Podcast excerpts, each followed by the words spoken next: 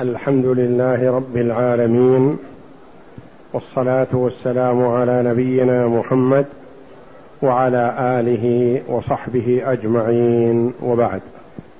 بسم الله. بسم الله الرحمن الرحيم. باب المسح على الخفين. وهو جائز بغير خلاف لما روى جرير رضي الله عنه قال رأيت رسول الله صلى الله عليه وسلم بال ثم توضأ ومسح على خفيه. متفق عليه. قال إبراهيم فكان يعجبهم هذا لأن إسلام جرير كان بعد نزول المائدة ولأن الحاجة تدعو إلى لبسه وتلحق المشقة بنزعه. وتلحق المشقة. وتلحق المشقة بنزعه فجاز المسح عليه كالجبائر نعم. قول المؤلف رحمه الله تعالى باب المسح على الخفين. أي وما شابههما وألحق بهما كالجوربين والعمائم وخمر النساء ونحو ذلك مما يحتاج إليه.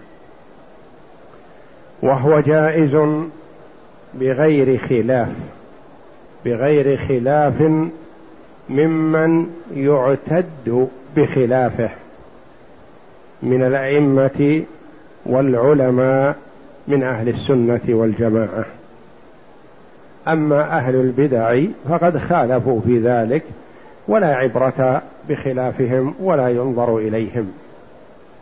يقول الحسن رحمه الله عندي عن سبعين صحابي. رأوا النبي صلى الله عليه وسلم يمسح على الخفين. ويقول الإمام أحمد رحمه الله ليس في نفسي شيء من المسح عندي فيه أربعون حديثا.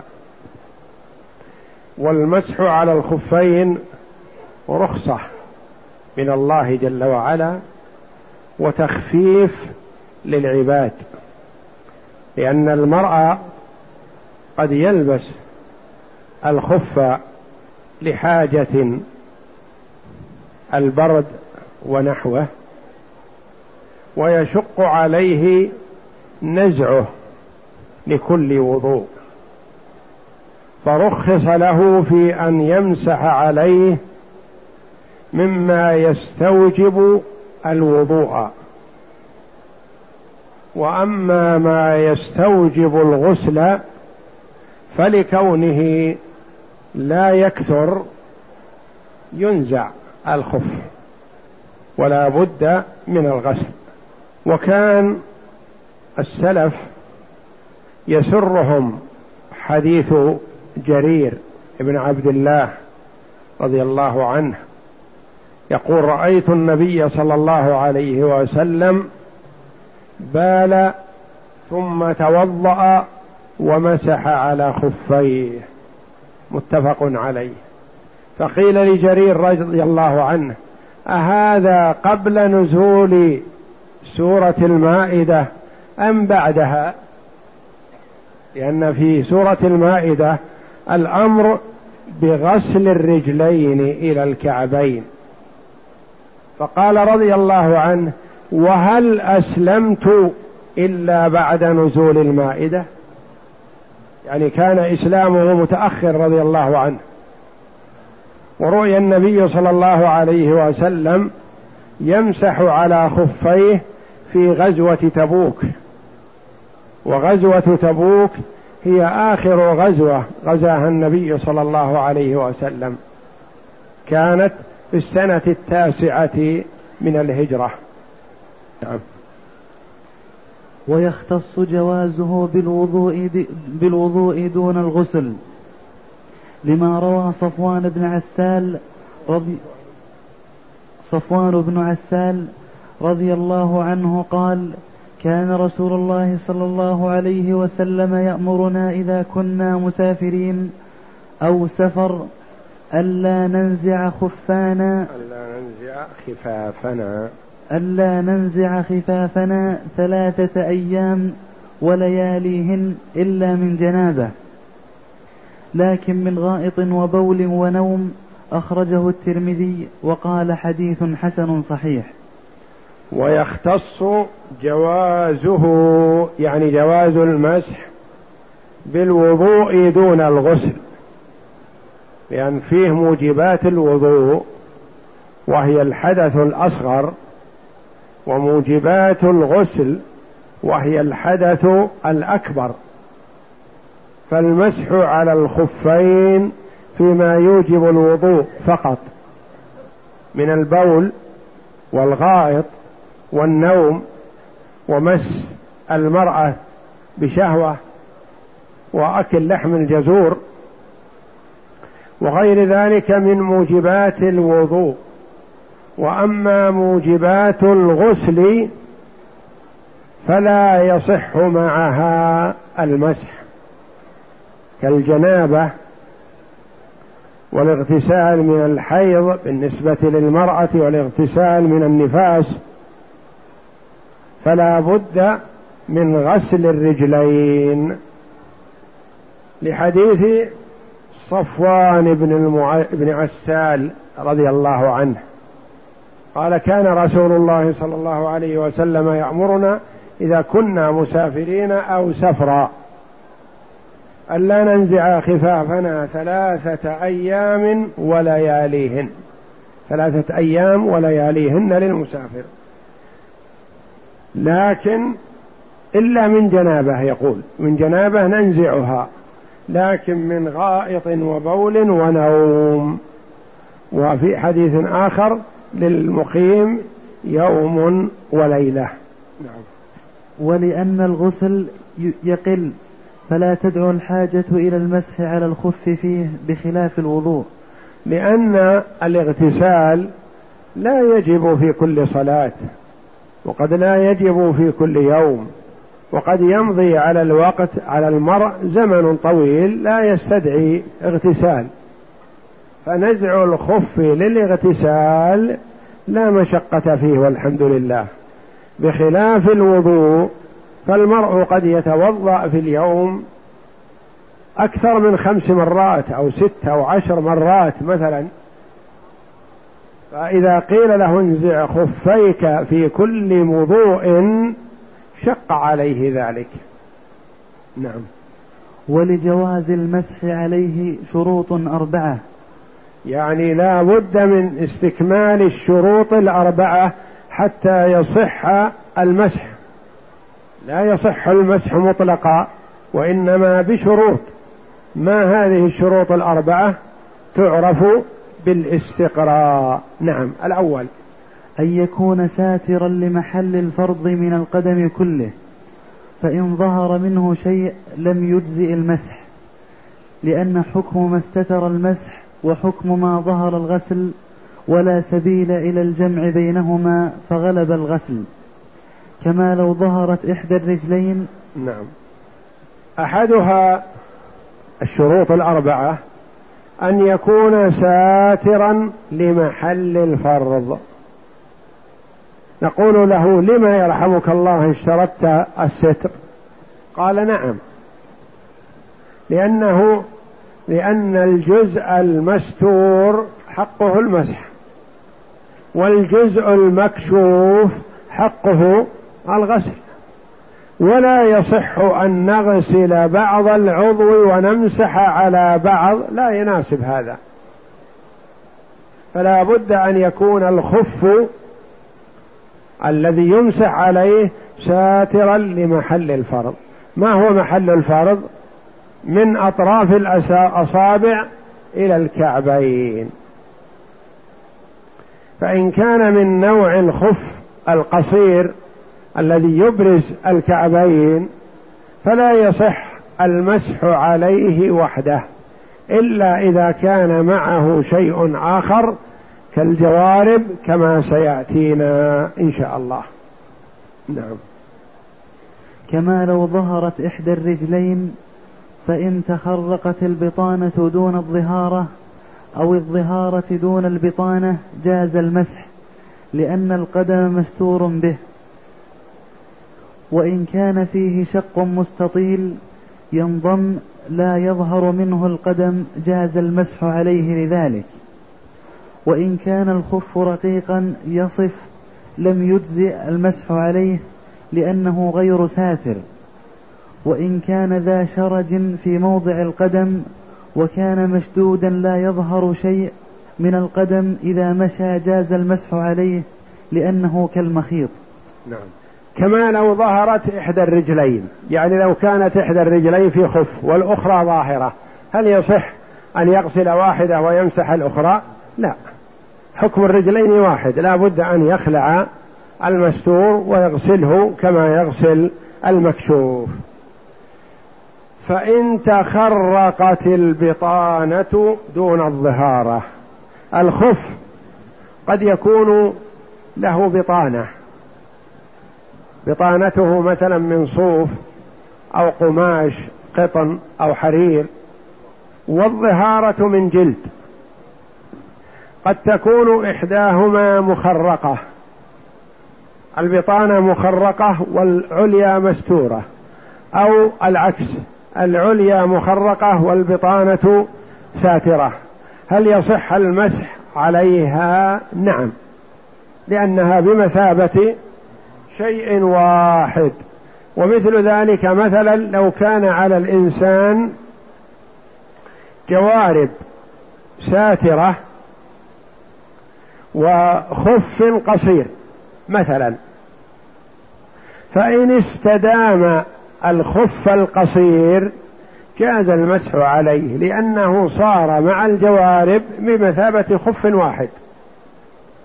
وإن لم يستدم الخف القصير كما هو حال كثير من الناس فيكون المسح على الجوربين ولا يمسح على شيء يخلعه.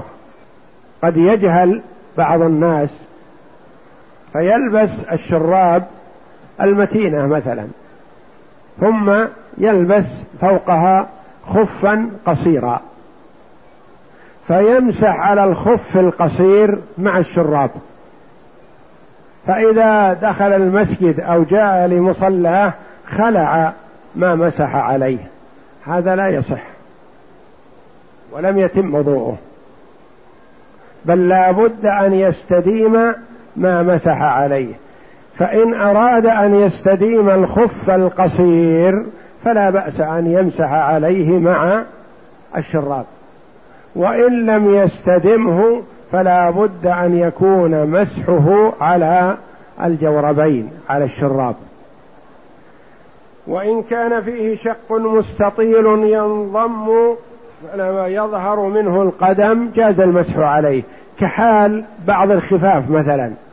بعض الخفاف فيها شق مستطيل من وسط القدم إلى الساق مثلا. فإذا لبس الخف انضم. الشق هذا هذا لا بأس. يمسح عليه ما دام ساتر. أو كان ذا شرج والشرج هي العرى. يعني مفتوح وفي الفتحة عرى. فإذا لبسه الإنسان أدخل بعض العرى في بعض أو أدخل فيها خيط كما هو حال بعض الخفاف وربطها جميع فلا بأس بذلك. يصح حتى لو كان مشقوق. نعم. الثاني الشرط الثاني من شروط جواز المسح على الخفين. الشرط الأول قلنا أن يكون ساترا يعني ساترا بكماله وغير واصف للبشرة. انتبه. إذا كان الشراب خفيف يصف البشرة من سواد وبياض وحمرة فلا يصح المسح عليها. بل لا بد أن يكون ساترا. نعم. الثاني. أن يمكن متابعة المشي فيه فإن كان يسقط من القدم لسعته أو ثقله لم يجزئ المسح عليه لأن الذي تدعو الحاجة إليه هو الذي يمكن متابعة المشي فيه وسواء في ذلك الجلود والخرق والجوارب لما روى المغيرة رضي الله عنه أن النبي صلى الله عليه وسلم مسح على الجوربين والنعلين أخرجه أبو داود والترمذي وقال الترمذي حديث حسن صحيح نعم. قال الإمام أحمد يذكر المسح على الجوربين عن سبعة أو ثمانية من أصحاب رسول الله صلى الله عليه وسلم ولأنه ملبوس ساتر للقدم يمكن متابعة المشي فيه أشبه الخف فإن شد على رجليه لفائف لم يجزئ المسح عليها لأنها لا تثبت بنفسها إنما تثبت بشدها. نعم. الثاني من شروط صحة المسح على الخفين أن يمكن متابعة المشي فيه يعني يكون خف. لاصق للرجل ثابت بنفسه بالرجل. ولا يكن خف لو مشى فيه سقط. أو كان مما لا يمكن المشي فيه لثقله فهذا لا يمسح عليه. لأن الذي يمسح عليه هو ما يمكن المشي فيه من باب التسهيل. ورفع الحرج والمشقة عن الإنسان في الخف الذي يحتاج إليه للمشي عليه. فإن كان واسعا لو رفع المرء رجله ليمشي سقط ما صح أن يمسح عليه. كالخفاف التي مثلا ممكن أن يدخل يده بين بين الساق وجدار الخف مثلا. هذا واسع. ولو رفع رجله سقط الخف. هذا لا يمسح عليه إلا إذا ثبت إذا كان ثابتا. يقول وسواء في ذلك الجلود. يعني الخف سواء كان من جلود. الجلود واللبود. اللبود ما هي؟ هي ما يلبد من الصوف. من الصوف يحكم ثم إذا جاءه الماء أو البلل ارتص وصار قوي. والخرق كذلك لو كان الخف من قماش كالجوارب والشراب. والجوارب لما روى المغيرة رضي الله عنه أن النبي صلى الله عليه وسلم مسح على الجوربين والنعلين. المغيرة بن شعبة رضي الله عنه روى لنا أن النبي صلى الله عليه وسلم مسح على الجوربين وهذا لا إشكال فيه كما قال الإمام أحمد رحمه الله يذكر يذكر المسح على الجوربين عن سبعة أو ثمانية من أصحاب رسول الله صلى الله عليه وسلم. وهذا الكلام لا ينافي الكلام السابق الذي ذكرته عن الحسن أنه يروى حديث المسح على الخفين عن سبعين من الصحابة. والإمام أحمد يقول عندي في المسح على الخفين أربعين حديثا عن النبي صلى الله عليه وسلم. هذا في الجوربين خاصة يعني في الشراب ونحوها. مسح على الجوربين والنعلين. مسح على النعلين. المراد بالنعلين هنا إذا كان فوق الجوربين كمن يلبس مثلا الجوربين. أو يلبس الشراب ثم يلبس النعلين فوقهما ويستديم النعلين فحينئذ يمسح. مثل من يلبس شراب مثلا ونعلين أو حذاءين مشربكين مربوطة مثلا ويستديمها فيمسح على الأعلى سواء كان خفا أو نعلا أو حذاء مشربكا مربوط بعضه ببعض ونحو ذلك. أي ما ثبت.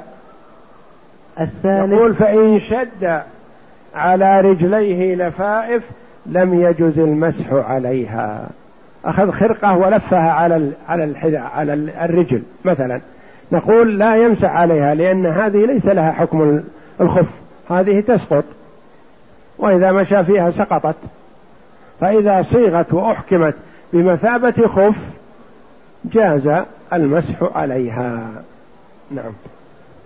الثالث أن يكون مباحا فلا يجوز المسح على المغصوب والحرير لأن لبسه معصية فلا تستباح به الرخصة كسفر المعصية. الشرط الثالث من شروط صحة المسح على الخفين. الأول ما هو؟ أن يكون ساتر. الثاني أن يكون ثابت بنفسه.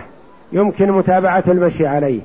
الثالث أن يكون مباح. أن يكون مباح في حد ذاته. طاهرا مباحا. بخلاف ما إذا كان مثلا من جلد خنزير. هذا ليس بمباح ونجس. لا يجوز للإنسان أن يلبسه ولا أن يصلي فيه. وكذا إذا كان مغصوب. لا يجوز المسح عليه لأنه مغصوب. إذا انتهبه الإنسان من شخص ما ولبسه فلا يجوز له أن يمسح عليه. لأن هذا مغصوب والرخص لا تستباح بالمعصية. كذلك إذا كان مما لا يجوز استعماله كالحرير للرجال مثلا لو اتخذ خفا أو شرابا من حرير مثلا فلا يجوز للمرء أن يمسح عليها لأن لبس الرجل الحرير محرم عليه. فلا يمسح. كذلك إذا سافر المرء سفر معصية والعياذ بالله. كمن سافر مثلا لبلاد الكفار ليفجر هناك ليزني وليشرب الخمر وليستبيح المحرمات. فهذا سفره سفر معصية. لا يحل له أن يقصر الصلاة. ولا يحل له أن يجمع ولا يحل له أن يترخص في المسح على الخفين لأن المرء لا يستبيح المحرمات المحرمات والوقوع في المحرم لا يجيز له استعمال الرخص والإستفادة منها. قال كسفر المعصية. سافر سفر معصية لا يجوز له أن يترخص. ومثله لو سافر لزيارة بعض المشاهد أو زيارة القبور شد رحل. هذا سفر معصية لأن السفر سفر الطاعة السفر إلى بيت الله الحرام. والسفر إلى مسجد رسول الله صلى الله عليه وسلم والسفر إلى بيت المقدس خلصه الله من أيدي اليهود. هذه سفر طاعة والأسفار المباحة مثلا كذلك سفر للتجارة سفر قربة وطاعة لزيارة الوالدين لزيارة الأقارب سافر لطلب العلم قربة سافر للجهاد في سبيل الله. هذه تستباح بها الرخص. سافر لزيارة بعض المشاهد من القبور. لا يجوز لأن هذا سفر محرم لأن الرسول عليه الصلاة والسلام قال لا تشد الرحال إلا إلى ثلاثة مساجد. الرابع أن تلبسهما على طهارة كاملة لما روى المغيرة رضي الله عنه قال كنت مع النبي صلى الله عليه وسلم في سفر فأهويت لأنزع خفيه. قال دعهما فإني أدخلتهما طاهرتين فمسح عليهما متفق عليه. نعم. الرابع من شروط صحة المسح على الخفين أن يلبسهما على طهارة كاملة طهارة كاملة. في طهارة غير كاملة نعم لابد في شيء. يعني يتوضأ وضوء كامل ثم يلبس الخفين. في هذه الحال إذا أحدث وأراد أن يتوضأ يمسح عليهما. لو تيمم ولبس خفيه. ثم أحدث بعد ذلك وأراد أن يتوضأ وجد الماء. فهل يمسح على الخفين لكونهما لبسهما بعد التيمم أم لا بد من خلعهما؟ لا بد من خلعهما لأنه لم يلبسهما على طهارة كاملة بماء. وإنما لبسهما بعد التيمم والتيمم مبيح أو رافع للحدث مؤقتا. نعم. والدليل على ذلك قول المغيرة رضي الله عنه أن النبي صلى الله عليه وسلم توضأ يقول فأهويت لأنزع خفيه. المغيرة رضي الله عنه كان مع النبي صلى الله عليه وسلم يعينه في وضوءه. فلما وصل النبي صلى الله عليه وسلم في غسل الرجلين إلى غسل الرجلين أهوى المغيرة رضي الله عنه ليخلع الخفين ليغسل النبي صلى الله عليه وسلم رجليه. قال النبي صلى الله عليه وسلم دعهما. ولم يقل دعهما وسكت قال دعهما فإني أدخلتهما طاهرتين. ففهمنا من قوله صلى الله عليه وسلم فإني أدخلتهما طاهرتين بأنه لو أدخلهما غير طاهرتين لما صح أن يمسح عليهما. نعم. فإن تيمم ثم لبس الخف لم يجزئ المسح عليه. نعم كما تقدم. لأن طهارته لا ترفع الحدث. وإنما هي مبيحة للصلاة. أو رافع للحدث على الخلاف لكن ليست طهارة كاملة. نعم. وإن لبست المستحاضة ومن به سلس البول خفا على طهارتهما فلهما المسح. نص نعم. عليه. نعم. اقرأ. لأن, لأن طهارتهما كاملة في حقهما فإن عفيا لم عفيا فإن عوفيا لم يجزئ المسح. لأنها صارت ناقصة في حقهما فأشبهت التيمم. نعم. وإن لبست المستحاضة ومن به سلس البول خفا على طهارتهما. قد يفهم من سمع أن المتيمم إذا لبس خفيه ثم أراد أن يتوضأ بعد ذلك أنه لا يجوز له المسح عليهما لأن طهارة التيمم ليست كطهارة الماء ناقصة. قد يقول قائل إن طهارة من به سلس البول ومن وطهارة المرأة المستحاضة التي معها الدم باستمرار. ناقصة فهؤلاء لا يمسحون. كل ما أرادوا أن يتوضأوا لا بد أن يغسلوا أقدامهم. نقول لا. هؤلاء الطهارة في حقهما كاملة. فهم اتقوا الله جل وعلا ما استطاعوا. ومن اتقى الله ما استطاع فلا لوم عليه. مثلا من به سلس البول نسأل الله العافية مثلا توضأ استنجى. وغسل وجهه ويديه خرج منه بول. ثم مسح رأسه وأذنيه وغسل رجليه. هل طهارته كاملة كطهارة من توضأ ولم يخرج منه شيء؟ لا ما هي كاملة. لكنها هل هي ناقصة في حقه؟ لا هو أدى ما عليه.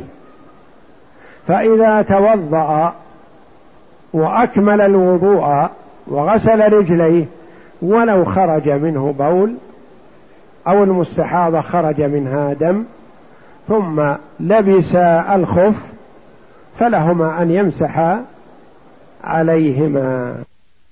لبس الخف. نقول نعم خرج منه لكنه معذور في هذا.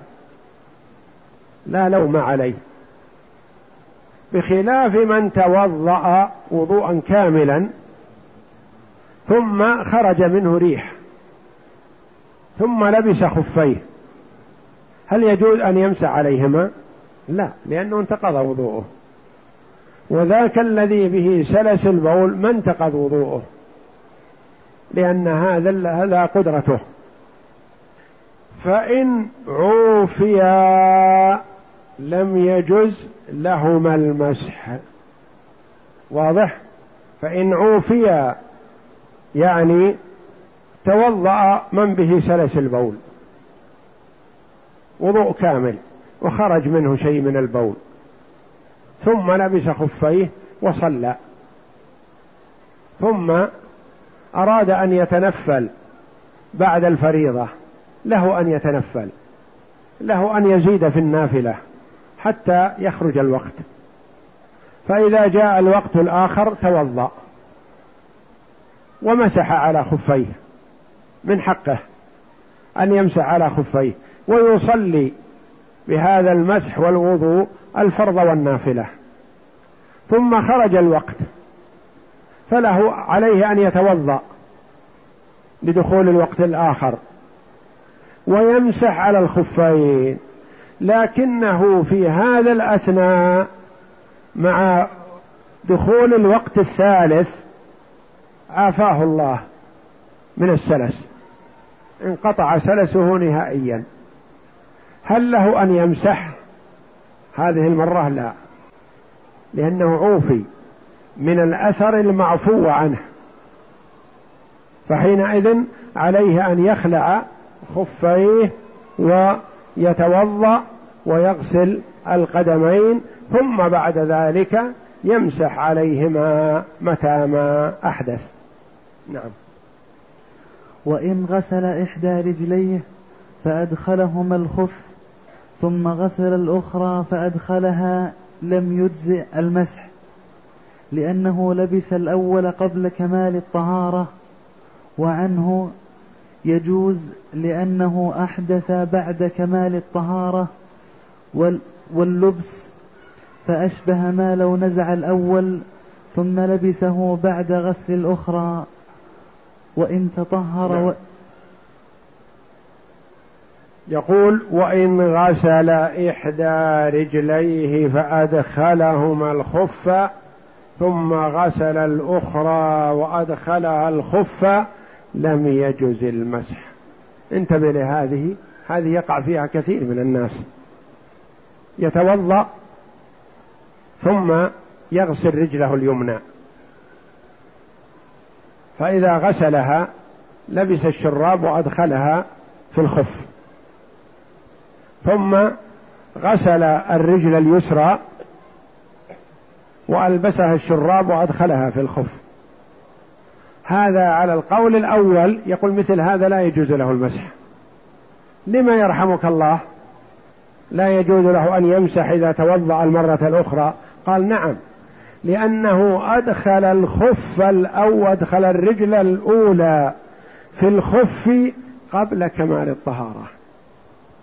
الرجل اليسرى ما غسلت إلى الآن فقبرها وأدخلها في الخف وألبسها الخف قبل أن تكمل طهارته. يقول هذا لا يمسح. والرواية الأخرى له أن يمسح. لما؟ قال لأن الرجل طاهرة. فلو خلع الخف التي هي فيه ولبسها بعد لا إشكال في المسح. فكأنه لتوه يلبسها. الصورة إذا غسل رجله اليمنى وألبسها في الخف.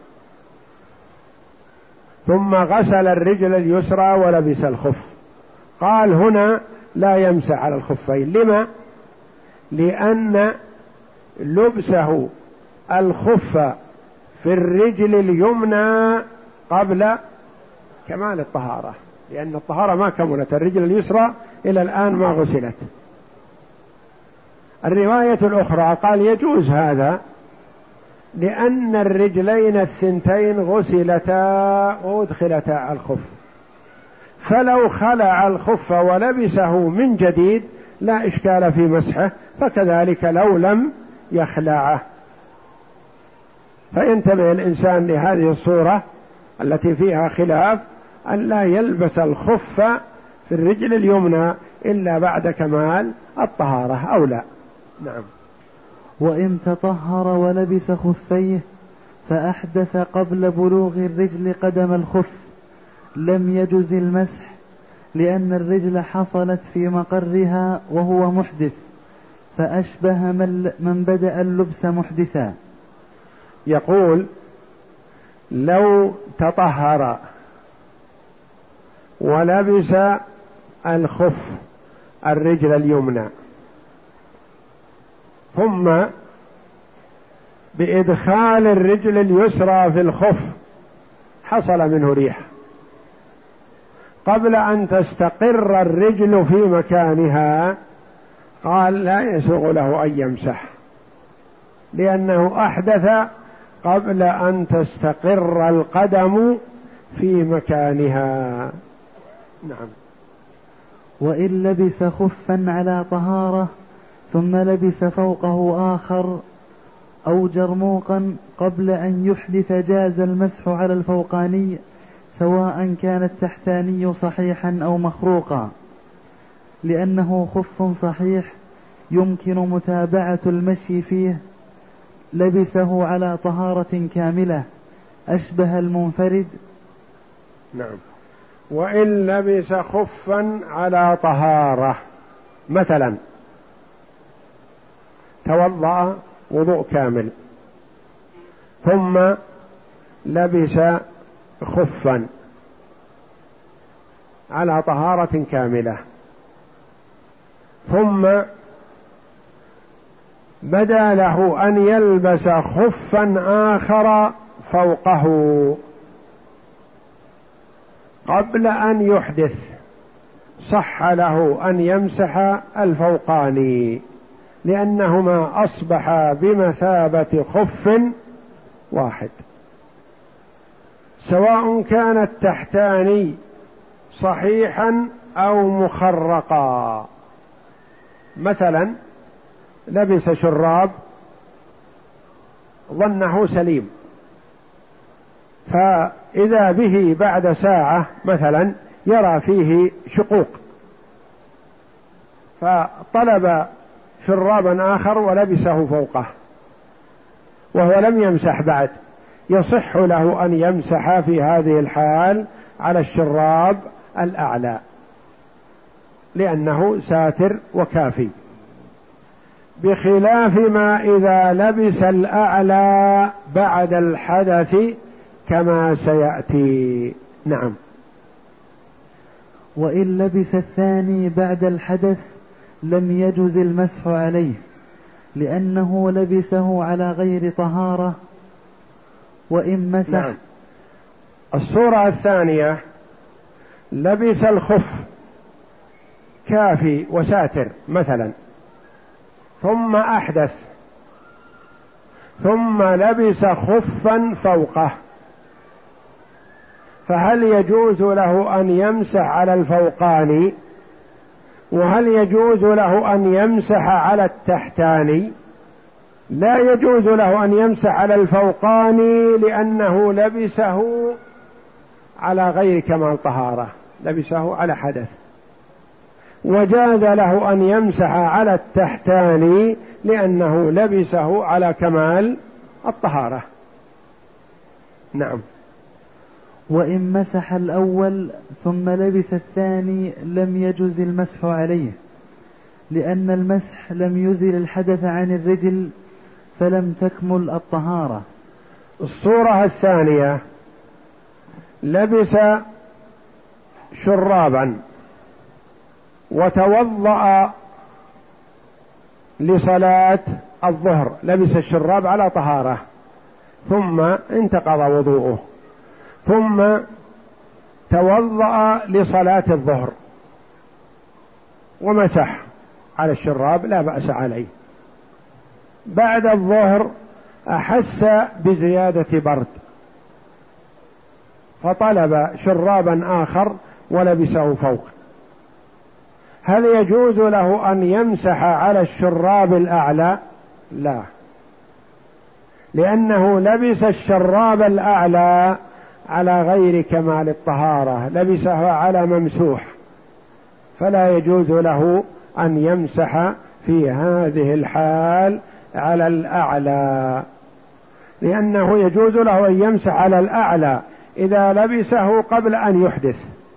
أما إن لبسه بعد الحدث أو لبسه بعد المسح على الأسفل فلا يجوز له أن يمسح على الأعلى. نعم. وإن كان التحتاني صحيحا والفوقاني مخروقا فالمنصوص جواز المسح لأن القدم لم يستر بخف صحيح. وقال بعض أصحابنا لا يجوز لأن الحكم تعلق بالفوقاني فاعتبرت صحته كالمنفرد. وإن لبس التحتاني صحيح.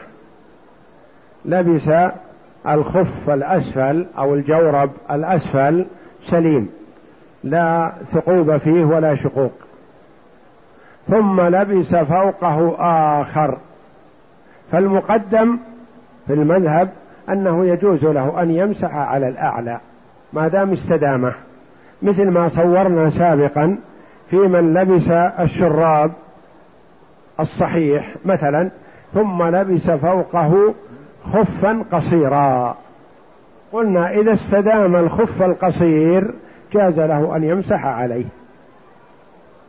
القول الآخر في المذهب قالوا لا لأن الحكم للفوقاني والفوقاني غير ساتر. والصواب والله أعلم أنه يجوز لأنهما أصبحا بمثابة خف واحد. الاثنين أصبحا بمثابة واحد يمسح عليهما مسحة واحدة. نعم. وإن لبس المخرق فوق لفافة لم يجز المسح عليه لأن القدم لم يس لم يستتر بخف صحيح. وإن لبس المخرق على لفافة مثلا لف على عقبه وكعبيه مثلا خرقة ثم أدخلها في الخف القصير. يعني صار هذا الخف ملفق. أسفله جلد وأعلاه لفافة على الكعبين وما حولهما. قالوا هذا لا يجوز المسح عليه لأنه لا يصح المس على كل واحد منهما. فكذلك إذا اجتمعا. نعم. وإن لبس وإن لبس المخر وإن لبس وإن لبس مخروقا فوق مخروق فاستتر القدم بهما احتمل ألا يجوز المسح لذلك واحتمل أن يجوز لأن القدم استتر بها فصار كالخف الواحد. صورة أخرى لبس شراب متين إلا أنه من جهة الأصابع مشقوق. وأدخلها في خف من جهة الأصابع مستور ومن جهة الكعبين مكشوف.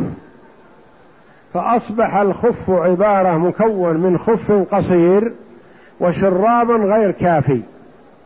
الشراب لا يكفي وحده والخف لا يكفي وحده.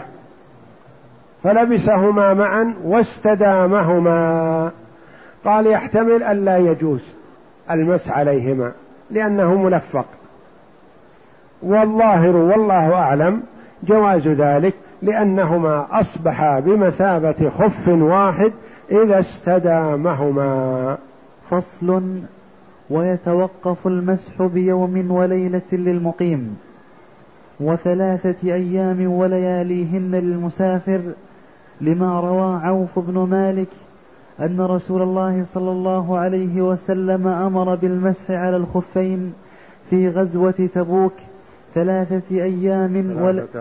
ثلاثة. أيام ولياليهن للمسافر ويوما وليلة للمقيم. قال الإمام أحمد هذا أجود حديث هذا أجود حديث في المسح على الخفين لأنه في غزوة تبوك آخر غز آخر غزوات غزاء آخر غزاة. آخر غزاة غزاها النبي صلى الله عليه وسلم وهو آخر فعله. نعم. فصل ويتوقت المسح بيوم وليلة للمقيم. المقيم في البلد يمسح يوم وليلة. ثم بعد ذلك يلزم أن يخلع ويغسل القدمين. إذا توضأ. والمسافر لأن السفر مظنة المشقة فاستدعى التخفيف والتيسير والحمد لله. كما قصرت الصلاة في السفر وكما عفي عن السنن الرواتب سوى سنة الفجر فتترك السنن الرواتب في السفر وتحتسب للمرء بإذن الله. فكذلك في المسح على الخفين جعل له ثلاثة أيام بلياليهن. والدليل على ذلك حديث عوف بن مالك رضي الله عنه أن رسول الله صلى الله عليه وسلم أمر بالمسح على الخفين في غزوة تبوك ثلاثة أيام بلياليهن للمسافر ويوما وليلة للمقيم. قال الإمام أحمد رحمه الله هذا أجود حديث في المسح على الخفين والتوقيت. لما؟ تقدم لنا أحاديث في الصحيحين. نعم قال لأن هذا في غزوة تبوك. وغزوة تبوك كما ورد في شهر رجب من سنة تسع من الهجرة وهي آخر غزوة غزاها النبي صلى الله عليه وسلم. فهو إذا هو آخر فعل النبي صلى الله عليه وسلم. لم يرد ما نسخه فهو ثابت ثلاثة أيام للمسافر ويوم وليلة للمقيم. نعم. وسفر المعصية كالحضر لأن ما زاد يستفاد بالسفر وهو معصية لم يجز أن يستفاد به الرخصة ويعتبر ابتداء المدة من حين الحدث بعد اللبس في إحدى الروايتين لأنها عبادة مؤقتة فاعتبر أول وقتها من حين جواز فعلها كالصلاة والأخرى من حين المسح لأن النبي صلى الله عليه وسلم أمر بالمسح ثلاثة أيام فاقتضى أن يكون الثلاثة كلها يمسح فيها وإن أحدث في الحضر نعم. وسفر المعصية كالحضر كما تقدم لأن سفر المعصية لا تستباح بها الرخص فلا يقصر الصلاة ولا يجمع ولا يمسح على الخفين وهذا إشعار له بأن سفره هذا هو آثم فيه وحث له على التوبة والرجوع إلى الله جل وعلا والندم على ما فرط منه. فما حرم من الرخصة إلا لوقوعه في المعصية. ومثلنا لسفر المعصية مثلا سفر لمن سافر مثلا من أجل أن يقع في الحرام. سافر في رمضان من أجل أن يفطر فقط لا غرض له إلا من أجل أن يفطر. قال مثلا رمضان هذه السنة في الصيف أنا أسافر لو لم يكن لي حاجة في السفر من أجل أن أفطر وأقضي في أيام الربيع أو أيام الشتاء. نقول هذا سفر محرم لأنه حيلة إلى إسقاط الواجب الذي هو الصيام. فمن شهد منكم الشهر فليصمه. وهذا تحيل لإسقاط الصيام عنه في هذه الأيام فسفروا سفر معصية لا يستبيح به الرخصة. وكذلك من سافر لبعض البدع الشركية لزيارة بعض المشاهد أو التبرك ببعض القبور أو حضور بعض الاجتماعات حول أعياد يتبركون فيها بالقبور ونحو ذلك هذا كله سفر معصية لا تستباح به الرخصة. ومتى يبدأ اعتبار ثلاثة الأيام بلياليها أو اعتبار اليوم والليلة؟ رجل لبس توضأ لصلاة الفجر ولبس خفة واستمر على وضوئه وطهارته إلى أن صلى صلاة العصر. ما انتقض وضوءه وما أحدث وما نام. انتقض وضوءه بعدما صلى صلاة العصر. ثم بقي على حالته فلما أذن المغرب قام وتوضأ ومسح على خفيه. هذا الرجل متى لبس؟ لبس الخف قبل صلاة الفجر ومتى انتقض وضوءه بعد صلاة العصر ومتى مسح خفيه أول مسح بعد أذان المغرب. ثلاثة مواقف له. متى نبدأ في احتساب اليوم والليلة؟ هل نبدأها من لبس الخف؟ لا. هذا لا يدخل اطلاقا. هل نبدأها من حين أحدث بعد صلاة العصر؟ هذا القول الأول. أم نبدأها من حين توضأ ومسح لصلاة المغرب؟ قولان. القول الأول أنها تبدأ من حين الحدث بعد اللبس. متى صار الحدث؟ بعد صلاة العصر. القول الثاني والأخرى من حين المسح أنه من حين مسح لصلاة المغرب. اذا فالمسألة فيها قولان روايتان عن الإمام أحمد رحمه الله. الرواية الأولى أنها من حين الحدث يعني تبدأ مدة المسح من بعد صلاة العصر. الرواية الأخرى في نفس المثال أن تبدأ مدة المسح من بعد أذان المغرب. روايتان عن الإمام أحمد. قال بكل رواية جمع من العلماء رحمهم الله. نعم. وإن أحدث في الحضر ثم سافر قبل المسح أتم مسح مسافر. لأنه بدأ العبادة في السفر وإن مسح في الحضر ثم سافر أو مسح في السفر ثم أقام أتم مسح مقيم. لأنها عبادة يختلف حكمها بالحضر والسفر. نعم. وإن أحدث في الحضر رجل توضأ لصلاة الظهر ثم بعد صلاة الظهر نقض وضوءه ثم ركب مسافرا ومسح لصلاة العصر وهو في حال سفر. فهل يمسح ثلاثة أيام بلياليها مسح مسافر؟ أم يمسح يوم وليلة مسح مقيم لأنه أحدث في الإقامة؟ إن أحدث في حال الإقامة. ولم يمسح إلا في حال السفر أتم مسح مسافر. واضح المثال. صلى صلاة الظهر ثم دخل لدورة المياه ونقض وضوءه ثم ركب سيارته مسافرا. ثم نزل لصلاة العصر وتوضأ ومسح. واستمر في سفره أياما طويلة. هل يترخص في المسح ثلاثة أيام بلياليها لأنه أول مسح كان في السفر أم يترخص في السفر يوم وليلة فقط في المسح لأنه أحدث وهو مقيم. بل يترخص ثلاثة أيام بلياليها لأن أول مسحه في السفر فله مسح المسافر. نعم. فإذا وإن, وإن مسحه. في الحضر ثم سافر. وإن مسح في الحضر ثم سافر أو مسح في السفر ثم أقام أتم مسح مقيم. نعم.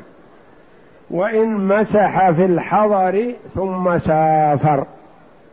المثال الأول توضأ لصلاة الظهر وضوءا كامل ولبس خفيه ثم بعد صلاة الظهر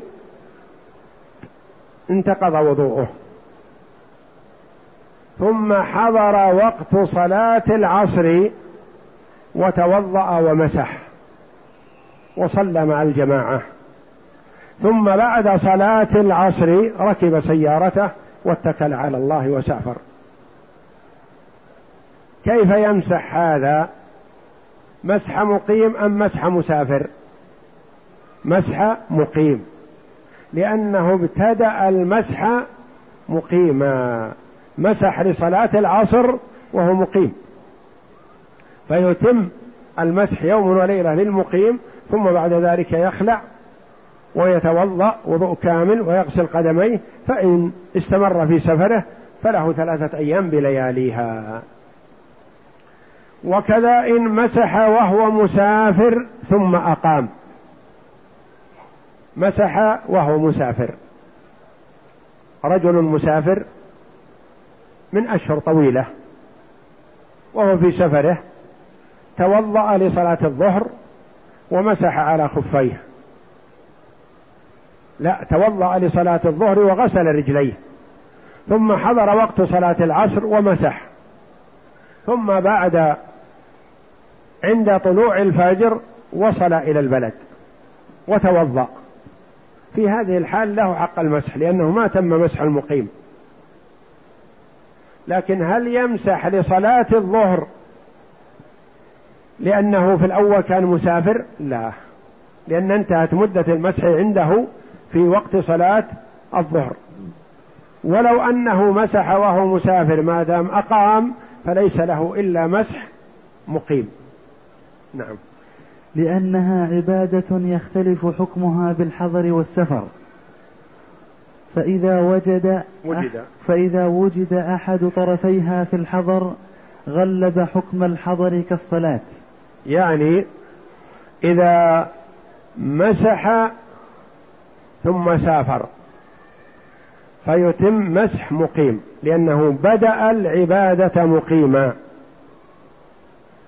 إذا مسح وهو مسافر. ثم أقام أتم فسح مسح مقيم فقط. لأنها لأن هذه العبادة كان في أحدها حاضر وفي أحدها مقيم. فيغلب جانب الحاضر الذي هو اليوم والليلة للمقيم فقط. فيمسح مسح مقيم. قال كالصلاة. كالصلاة. رجل أذن عليه الظهر وهو في البلد.